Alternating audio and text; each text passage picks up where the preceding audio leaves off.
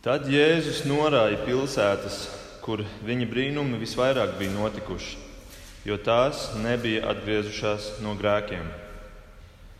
Vai tev, Horezīna, vai tev, Bēcaīda, ja tīrā un Sidonā tādi brīnumi būtu notikuši kā pie jums, tie sen jau maisus apvilkuši un pelnos sēdot, būtu grēkus nožēlojuši.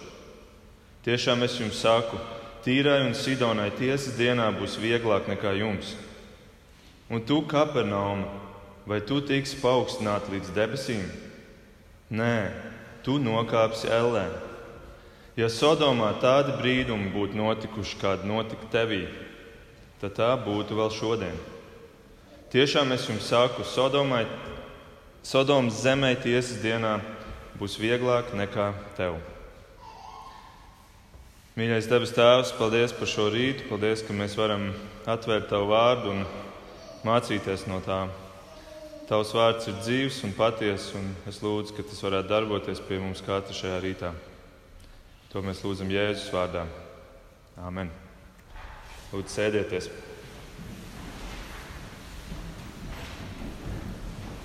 Mēs katrs šodien klātesošais, kas sauc sevi par Kristus kalpu, Dieva bērnu.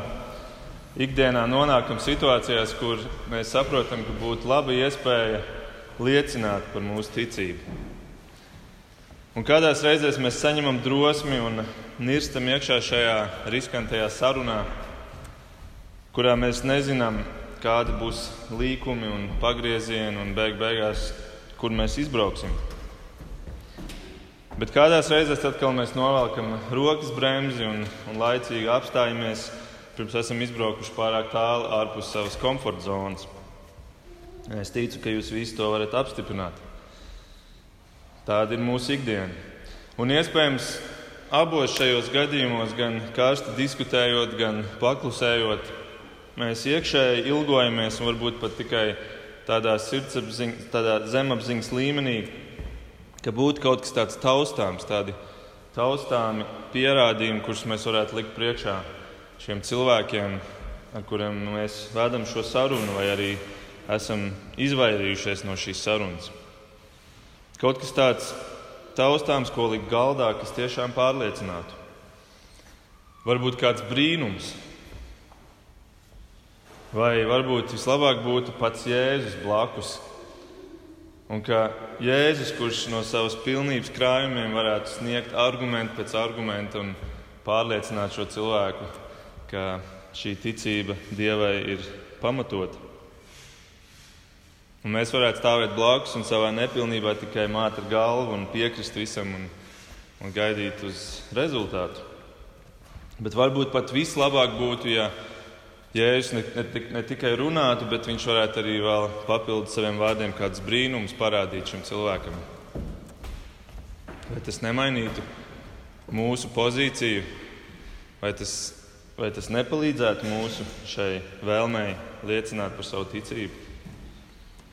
Vai mūsu sarunu partneriem būtu vēl kaut kādas izredzes šajā cīņā pret šo ticību? Vai nebūtu tā, ka agrāk vai vēlāk viņi tiktu nostādīti šāda mata priekšā un viņiem atlikt vien kapitulēt un atzīt Dievu. Bet, ja nu tiešām būtu šāda iespēja, un Jēzus tiešām būtu mums blakus šajā brīdī un, un, un runātu pats un argumentētu un vēl darītu kādus brīnumus, iespējams, dziedinātu šo cilvēku. Un ne, tikai vienas sarunas laikā, bet viņš nāktu atkal un atkal, un, mēs, un šis cilvēks varētu viņu redzēt darbībā varbūt pat vairākas dienas, vai nedēļas, vai mēnešus, vai pat gadus. Un beigās tomēr šis sarunu partners pēc visa šī pateiktu, zina, nē, es tomēr neticu Dievam. Man, man Dievu nevajag. Man Dievu nevajag. Tad jautājums ir, kā tu justos? Kā tu justos un kā tu nosaukt šādu cilvēku? Cilvēku, kurš ir saņēmis maksimālo potenciālu ticībai,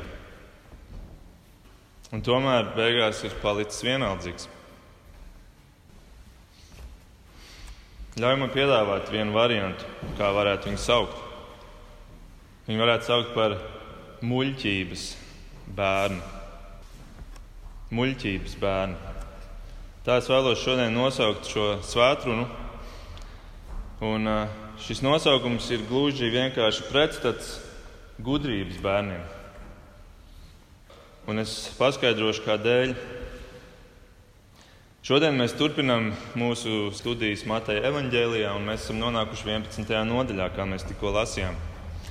Pirmajās desmit nodaļās Jēzus runā un runā un runā un dod savu vēsti, un dara brīnumus, un dara brīnumus, un dara brīnumus. Un tad pienāk šī 11. un 12. nodaļa. Un šeit mēs redzam dažādas reakcijas pret to, ko Jēzus ir darījis un ko ir runājis pirmajās desmit nodaļās. Šajā nodaļā mēs jau iepriekš esam runājuši par Jāņa Kristītāja šaubām. Jānis Kristītājs ir ielikts cietumā, viņš sūta savus mācekļus, lai viņi nāk un jautā Jēzum, vai tu tiešām esi īstais? Tātad šaubas. Un pēc tam mēs iepriekšējos pantos, pirms šodienas teksta, redzējām kritiku pret Jēzu kur minēts Jānis Kristītājs, kurš ne ēda, ne dzēra, un viņš bija slikts, un tad atnāk Jēzus, un viņš ēd un dzer, un ko cilvēki par viņu saka, ka viņš ir izēdājis un vīna dzērājis, muitnieku un grēcinieku draugs. Tātad neviens ne otrs nav labs. Un 12. nodaļā mēs pat redzēsim, ka viņu sāk saukt par dieva zaimotāju. Tātad dažādas reakcijas pret Jēzu un viņa vārdiem un darbiem. Bet pa vidu starp šīm reakcijām ir šodienas teksts. Un tur cilvēka reakcija gluži vienkārši ir vienaldzība. Vienaldzība. Bet ir kāda interesanta pazīme, ja mēs apskatīsimies vienu pāntu pirms mūsu šodienas teksta, un es aicinu jūs arī turēt atvērtu šodienas tekstu, jo mēs iesim cauri viņam. Vienu pāntu, tad 19. pāns noslēdzās ar šiem pēdējiem vārdiem bet gudrības darbi ir pareizi.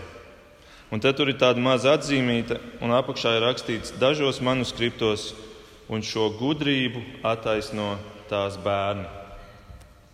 Šo gudrību attaisno tās bērni.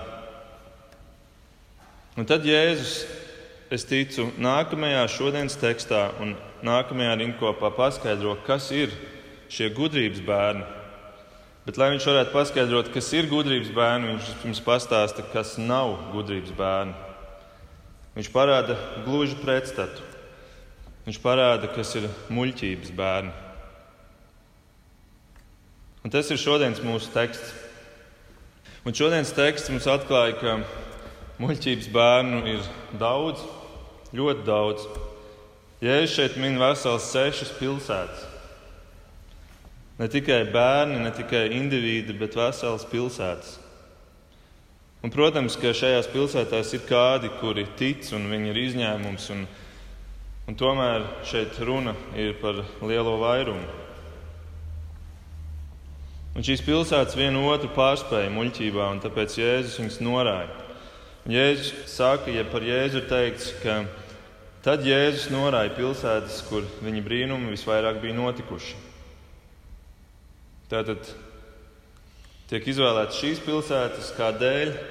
Tādēļ, ka ar viņām notika tieši tas, ko es ievadā stāstīju, šis scenārijs. Tur viņš bija, tur viņš runāja un viņš darīja brīnumus.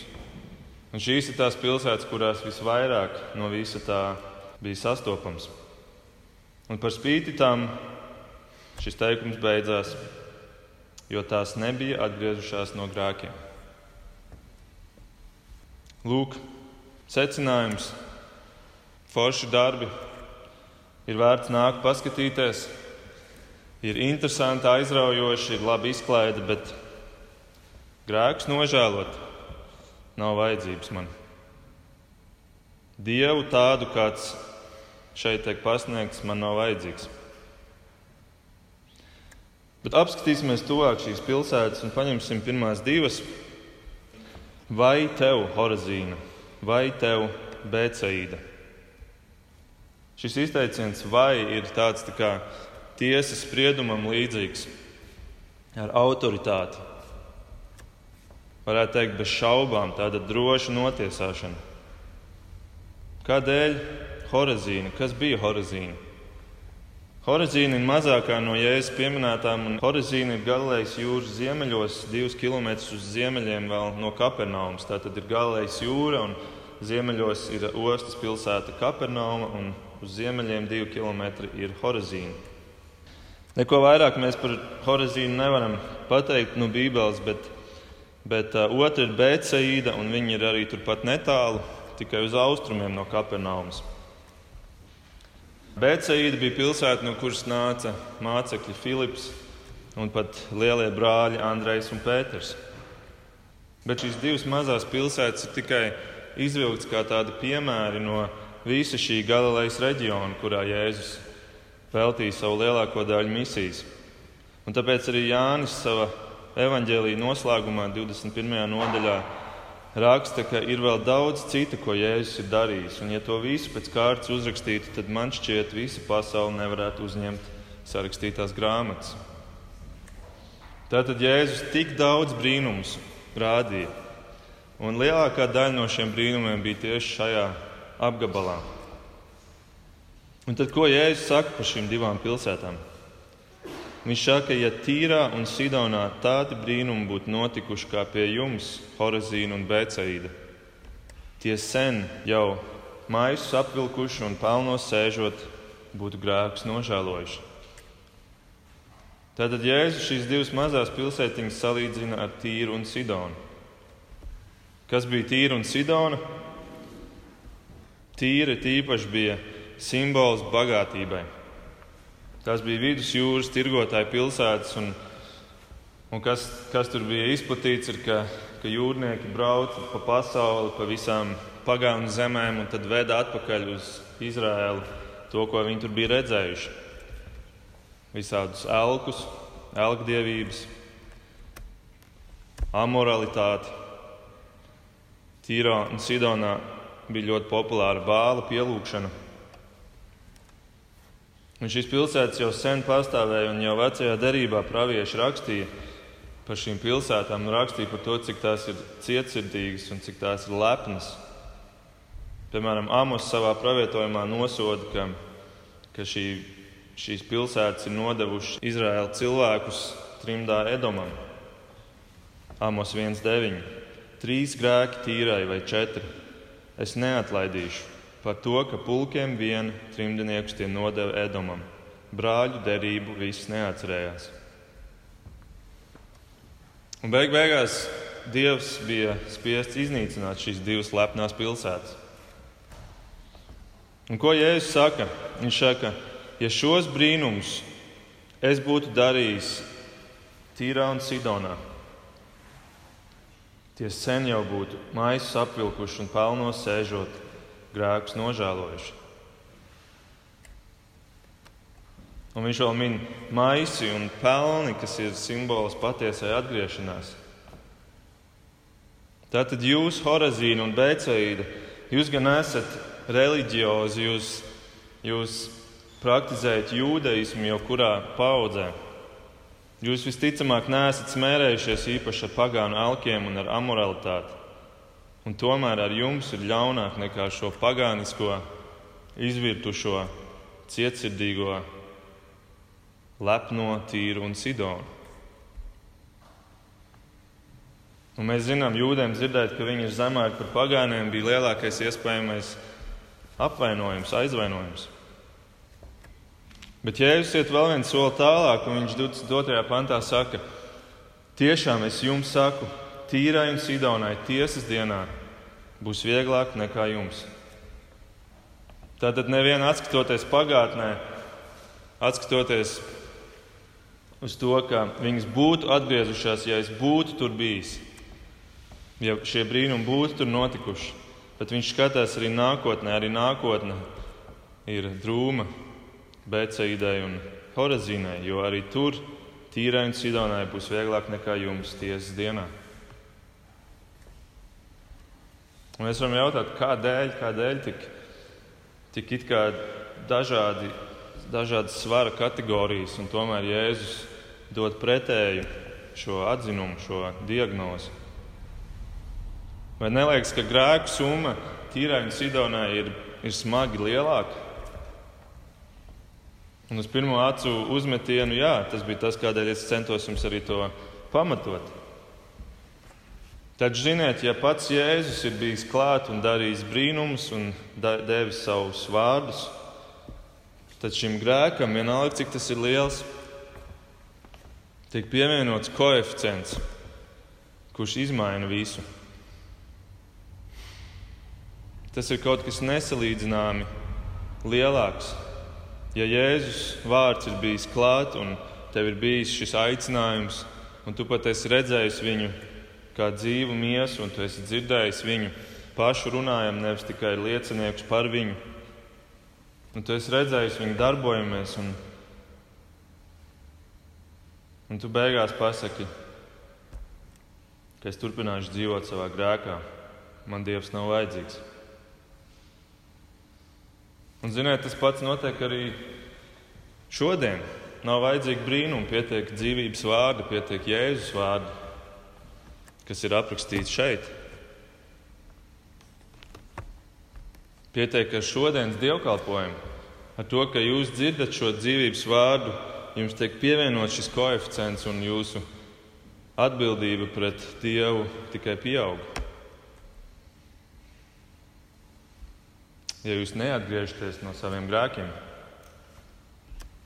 Man pirms daudziem gadiem bija um, kāda diskusija darba vietā. Mēs runājām par ticību, un tad mēs tur sākām divi, un tad pienāca vēl un vēl, un beigās mēs tur visi sēdējām. Un uh, bija viens tāds puisis, ar kuru mēs šo diskusiju virzījām un vadījām, un kurš man ļoti oponēja. Un, un mēs nonācām šajā sarunā līdz tam dīvainajam brīdim, kur viņš saprata šo domu. Un viņš man jautāja, pagaidi, vai tas nozīmē, ka tava liecināšana manu vainu palielinās tikai? Uz ko man, protams, bija jāatbild apstiprinoši. Tā tas ir. Un šodienas dievkalpojuma apmeklējums ir tas tikai palielina tavu atbildību pret Dievu. Un tiesas dienā tev būs vēl smagāk nekā tad, ja tu to nebūtu dzirdējis. Bet atgriežoties pie jūdiem, viņiem šo visu dzirdēt bija ļoti aizvainojoši. Un šis aizvainojums sāks parādīties no šīs nodaļas uz priekšu, jo naids pret Jēzu no jūda puses sāks āsi pieaugt. Tad mēs varam teikt, ka Jēzus šeit bruģēja savu ceļu uz Golgātu. Un Jēzus bruģekmeņi paliek tikai ar vien nopietnāki un Viņš iet vēl vienu soli tālāk, un viņš tagad piemin Kapernaumu. Nākamā pilsēta ir Kapernauma. Mēs varam teikt, ka Kapernauma bija Jēzus misijas galvaspilsēta. Tā bija tā māja vieta, uz kuru viņš pārvācās no Nāceretes. Un no turienes visa šī misija tika virzīta. Tā bija tā tāda bāze. Un tur viņš izdarīja visticamāk visvairāk brīnumu, vairāk nekā jebkur citur zemes virsū. Dziedināto saraksts ir iespaidīgs. Kapernaumā tika dziedināta Jāira meita, centuriona kalps, sieviete ar asiņošanu, divi aklie, Pēters, sievas māte, cauri jumtam nolaistais paralizētais un daudz citu. Viņš tur dzīvoja dienu dienā, un katru dienu tur notika brīnumi visticamāk. Un tādēļ Lūkas 4. nodaļā mēs lasām šos vārdus. Dari arī pie mums, Tēva zemē, to, ko esam dzirdējuši tevi darām Kapernaumā. Labi, bet ko tad Jēzus saka par šo Kapernaumu? Viņš saka 23. pantā, un tu, Kapernaumu, vai tu tiksi paaugstināti līdz debesīm? Nē, tu nokāpsi ellē. Mēs varam teikt, kas par kontrastu. Tiek sagaidīta kāpšana debesīs, bet patiesībā trepas tiek pagrieztas uz leju un ceļš ved tieši ellē. Mēs varam redzēt, ka šī paaugstināšana līdz debesīm tas ir tas, kas bija tā slava Kapernaumai. O, šis dziednieks dzīvo tur, viss notiek no turienes, viss plūst. Viss šī dziedināšana nāk no šīs vietas, un cilvēki plūda uz Kapernaumu. Un, un Kapernaumu tu esi paaugstināts līdz debesīm. Bet tik rūktā patiesība ir, ka tādēļ, ka tu ar savu vienaldzību bradāji kājām šo privilēģiju, tava vieta būs elle. Un tas atgādina vārdus no ebreja 10, 29. Kā jūs domājat, cik daudz lielāku atmaksu pelnīs tas, kas minas kājām Dieva dēlu? Nav turējis par svētām jaunās derības asins, ar kurām tas ticis šķīstīts, un aizvainojis žēlstības garu. Cik daudz lielāku atmaksu pelnīs tas? Šī pilsēta bija šķīstīta ar Jēzus klātbūtni, ar Jēzus darbiem un ar Jēzus vārdiem, kā neviena cita. Un tomēr nebija atgriezusies no grēkiem. Cik bieži mēs tiekam šķīstīti ar Jēzus vārdiem un ar, ar Bībeli, kur mums ir pieejama, kas nebija pirmā gadsimta kristiešiem šī jaunā derība, mēs tiekam šķīstīti ar šiem vārdiem un ar šo patiesību. Vai tas mūs ved uz grēku atziņu, vai tas mums liek saprast, kas mēs esam Dievu priekšā?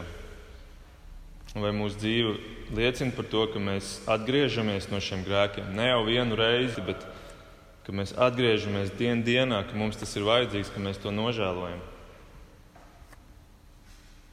Un, ja mēs domājam par šiem Jēzus brīnumiem, šo Jēzus klātbūtni, šiem vārdiem un dziedināšanām, ja mēs domājam par to, kas bija tas galvenais mērķis, jeb iemesls, kādēļ Jēzus to darīja, ne jau miesas dziedināšana bija tas iemesls.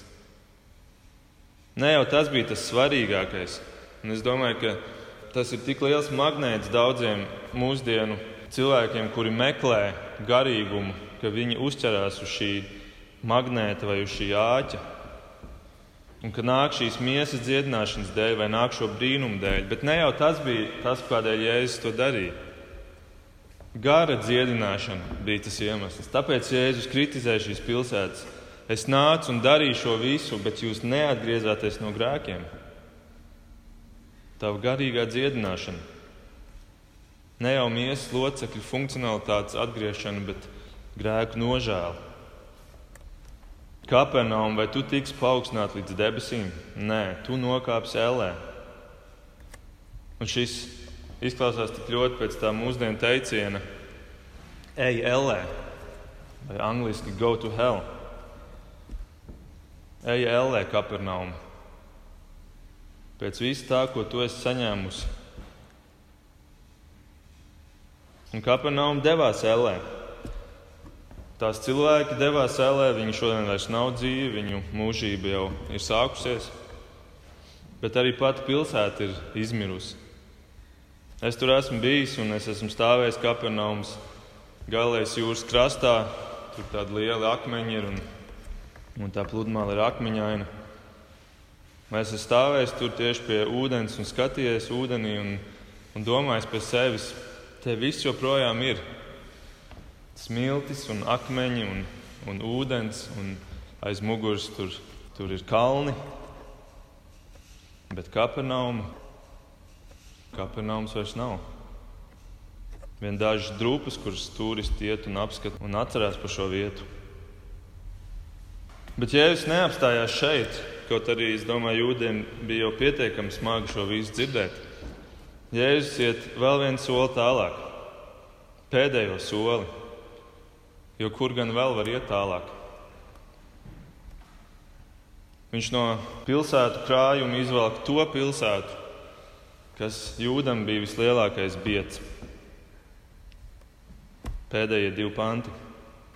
Ja Sodomā tādi brīnumi būtu notikuši, kādi notika tevī, tad tā būtu vēl šodien. Tiešām es tev saku, Sodomas zemē tiesas dienā būs vieglāk nekā tev. Sodoma. Es domāju, ja mums 21. gadsimta latviešiem ir skaidrs, kas ir Sodoma, tad kā gan bija 1. gadsimta jūdam? Sodoma kopā ar Gomoru jūdam bija visbriesmīgākā pilsēta pasaules vēsturē. Tik ļauni, ka dievam bija jāgāž virsū sērs un uguns un jāiznīcina tā, pat kājām gaisā jāapgriež. Es citēju 1. mūzika 19. Viņš apgrieza otrādi šīs pilsētas un visu ielēju. Kur mēs vēl esam dzirdējuši, ka Dievam ir bijis iemesls šādā veidā iznīcināt kādu pilsētu, kādu civilizāciju? Bet kas tad bija tā Sodomas vaina?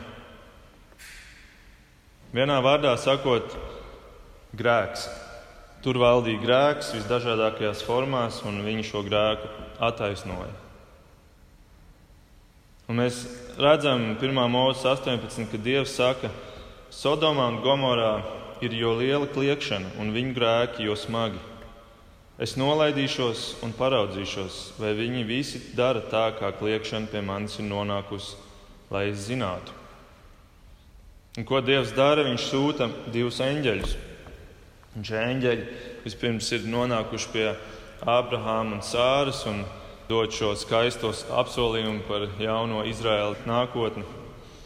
Un tad viņi dodas tālāk, un viņi dodas uz šo Sodomu. Un Ābrahāms to redz, un Dievs pie sevis vēl tur ir rakstīts, domā, vai es teikšu Ābrahamam, ko es darīšu ar Sodomu, vai labāk neteikšu. Un beigās Dievs pasaka Ābrahamam, Un tad Ābrahāms sāk lūgties, lai neiznīcina Sodomu, jo varbūt tur ir 50 taisnie. Vai tas būtu taisnīgi iznīcināt šo pilsētu, ja, ja tur ir šie taisnie? Un Dievs piekrīt, labi, ja tu atradīsi 50, es neiznīcināšu. Un Ābrahāms sāk kaulēties un saka, labi, es esmu nepilnīgs, un varbūt tas skaidrs bija par lielu, varbūt, varbūt 45. Un Dievs saka, labi, 45, ja tu atradīsi, es pasaudzēšu. Un, un Ābrahāms turpina kaulēties, un, un viņš nokaulē uz 30, un tad uz 20, un beigās paliek pie 10. Un Dievs saka, labi, ja tu atradīsi 10, es pasaudzēšu šo pilsētu. Pilsētā nebija šo desmit, jo nākamais, ko mēs lasām uzreiz pēc šīs sarunas, ir teksts, ko Ārvis lasīja ievadā. Un Ārvis pēc šī lasījuma nonāca pie manis un viņš teica, skarbi. Skarbi, varbūt tas nav tas tradicionālais veids, kā uzsākt dievkalpojumu, bet es, es gribēju, ka mēs redzam to, kas bija Sodoma. Varbūt pat tas mums bija izsit no tā sajūta, kāda mēs atnācām uz dievkalpojumu. Tas ir tikai mazs izvilkums no tā, kas bija Sodoma. Sodomā valdīja homoseksuālisms, tādēļ arī ir radies šis apzīmējums sodomieši. Mēs lasījām, tur, ka tur ieradās šie divi eņģeļi, lai pārbaudītu, vai tiešām viss dzirdētais ir tiesa. Un viņi pat saka, ka viņi gulēs uz ielas, nevis ies pie lata, bet lats pierunā iet namā. Un, un viņi iet, un tad mēs lasām, ka nāk no visas pilsētas vīri, veci un jauni. Tātad te tiek mest arī aizdomā ēna par pedofīliju. Un viņi grib tikt klāt šiem ļoti iespējams izskatīgiem vīriešiem, šiem diviem eņģeļiem. Un Lats iznāk ārā, lai nomierinātu, bet situācija ir tik traka, ka pat taisnais Lats izdara lielu muļķību un piedāvā savas meitas. Lats, kurš bija vienīgais pilsētā, kurš bija taisns, viņš pat ir spiests izdarīt tik lielu muļķību vai pat grēku. Un paldies Dievam, Dievs pasargā šo muļķību no realizēšanās. Bet sodomieši atsakās, viņi laužās iekšā un viņi tiek sist ar aklumu. Un, un tas, kas varbūt mūsu tulkojumā nav tik skaidrs, tur ir rakstīts, ka viņi taustījās pretī vārtiem, bet citos tulkojumos mēs redzam, ka tas, ko viņi cenšas darīt, kaut arī viņi ir sist ar aklumu, viņi mēģina ielausties šajā namā. Un tas ir viss neapturamākais, ka pat šis šokējošais stāvoklis, viņi ir kļuvuši akli viņus neaptur no šī grēka, šīs tieksmes pēc šī grēka. Un tā ir iespaidīga atbilde uz šo dieva pārbaudi, kāda tad ir Sodomā grēka pakāpe. Un Dievs iznīcina šo pilsētu. Jūdiem šī bez šaubām ļaunāko pilsētu sarakstā bija pašā augšā numur viens - Sodoma un Gomora. Un, ja es jums jautātu, iespējams, ka jūs dotu tādu pašu pirmo vietu. Bet ziniet, ko Jēzus saka? Ir viena cita pilsēta pirmajā vietā - Kapernauma. Kapernauma. Ja tu tiesas dienā redzēsi kapernaumieti un sodomieti stāvam blakus, vai kapernaumietim? Katrs grēks var tikt piedots, vardarbība, homoseksualitāte un pat pedofīlija. Bet zaimot svēto garu, noraidot Jēzus darbību, kas tika veikta caur svētā gara spēku, ir grēks, kas ir citās varu kategorijās. Tas ir tas grēks, kuru nepiedos, kā Bībele saka. Jo ko gan cilvēks vēl vairāk var saņemt? Un Kapernaumai no visiem pasaules vēsturē eksistējušiem cilvēkiem bija vismazākais attaisnojums neticēt. Tieši visu šo Jēzus brīnumu dēļ. Un, kā jau teicu, brīnumi netika doti tikai tādēļ, lai saņemtu kādu labumu no Jēzus. Galvenais mērķis bija saņemt Jēzu. Brīnumi tika dot, lai tie liecinātu par Jēzu, ka viņš ir Dieva sūtītais. Šodien mums ir dota Bībele, kur apliecina, ka tas ir Dieva dēls Jēzus. Un tādēļ arī brīnumi vairs nenotiek šodien, tā kā to dienu tas notika, kad caur vienu cilvēku rokām gāja un masveidā dziedināja. Tagad šīs dziedināšanas un šie brīnumi notiek caur lūkšanām kad draudzē nāk kopā nevis viens cilvēks, bet draudzē nāk kopā un lūdz. Tā kā mēs Jēkabā vēstulē mācījāmies 5. nodaļā, kad tev ir veselības problēmas un tu aicini draugus vecajus, tur ir daudzskaitīgi vecajus, aicini un viņi nāk un lūdz kopā. Un mēs šādus brīnumus piedzīvojam kā draugi arī šādā formā. Mēs esam lūguši par mūsu draugiem cilvēkiem, un viņi ir saņēmuši dziedināšanas. Man ir jādomā par mazo esterītu un ītenu, kur pretēji ārstu prognozēm ir spēka pilni. Daudz ir palīdzējis saņemt šo brīnumu. Bet daudz lielāks brīnums ir, kad cilvēks saņem pašu Kristu. Un tā bija tā problēma Kapernaumē. Ja es saku Sodoma, eksistētu vēl šodien un būtu atgriezusies, ja šie brīnumi būtu notikuši. Tas būtu viņus izmainījis. Bet šie brīnumi notika Kapernaumā, un Kapernauma palika vienaldzīga. Jo Kapernauma nemeklēja Jēzu, bet gan to, ko var iegūt sev caur Jēzu. Tā kā mācītājs Džons Paipers precīzi saka, ja tu centies saņemt Jēzu kā veidu, lai tiktu pie kaut kā cita, ko tu vēlies, bet ne viņu pašu, Tu nesaņem Jēzu, tu izmanto Jēzu. Un to lūk darīja Kapernauma. Un Bēceīda, un Horizīna un daudz citas nācerēt un Jeruzāleme. Ak, jūs muļķības bērni! Iemainīt šo mūžīgo dzīvību pret laicīgās dzīves labumu, iemainīt grēku, piedošanu pret slimības apturēšanu Iemainīt Kristus taisnību pret maizi un zivīm, iemainīt debes tēva nama atslēgu pret īsu pārējošu baudu. Un cilvēki joprojām to šodien dara.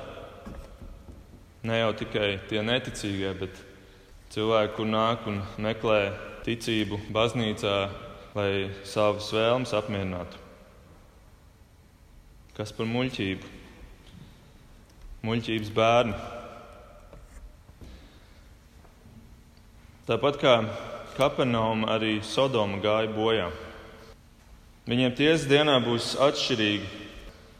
Un mēs varam redzēt, ka ir dažādas soda pakāpes, kas mūs sagaida mūžīgajā dzīvē.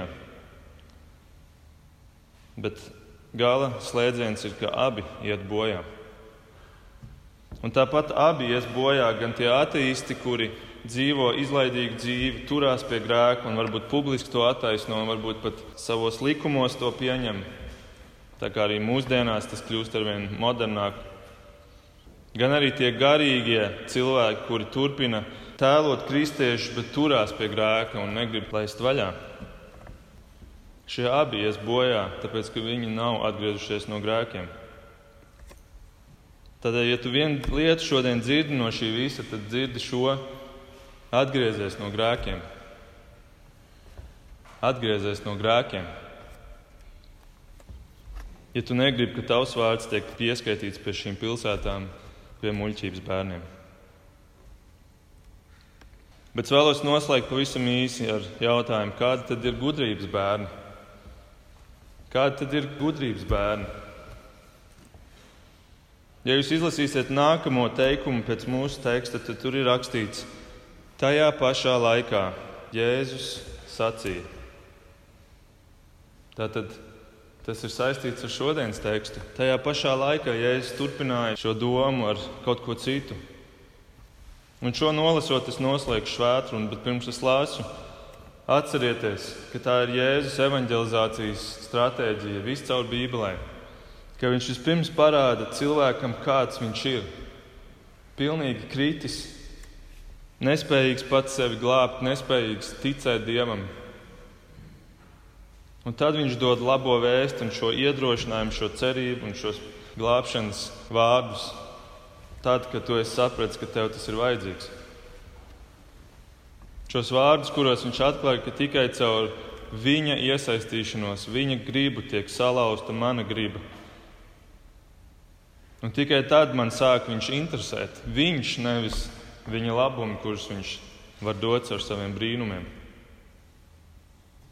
Un tikai tie, kuriem viņš to atklāja, tie spēja bērnišķā ticībā, nevis paši savā gudrībā, bet viņa dotajā bērnišķajā ticībā saņemt Jēzu pašu. Un šie ir tie gudrības bērni, ieklausieties. Es slavēju tevi, Tēvs, debesu un zemes kungs, ka tu šīs lietas esi apslēpis gudrajiem un saprātīgiem un tās atklājis bērniņiem. Jā, Tēvs, šādi ir izpaudusies tava labvēlība. Mans tēvs man ir devis visu, un neviens nepazīst dēlu kā vien tēvs, nec tēvu kā vien dēls, un kam dēls to vēlas atklāt. Nāciet pie manis visi, kas esat nopūlējušies un zem smagas nastas, un es jūs atvieglināšu. Uzņemieties manu jūgu un mācieties no manis, jo es esmu lēnprātīgs un sirdī pazemīgs.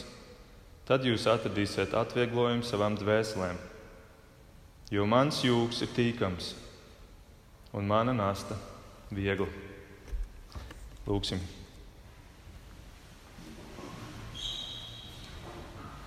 Debes Tēvs, paldies, Kungs, ka, ka šajā namā šodien sēž tik daudz gudrības bērnu, kuriem Tu esi salauzis viņu gribu, viņu tieksmi pēc grēka, viņu aklumu, ka Tu esi darījis šo brīnumu un ka viņi meklē tevi un viņi vēlās attiecības ar tevi un viņi, viņi vēlās mūžību ar tevi un viņi ir gatavi to mainīt pret daudz ko citu šajā dzīvē.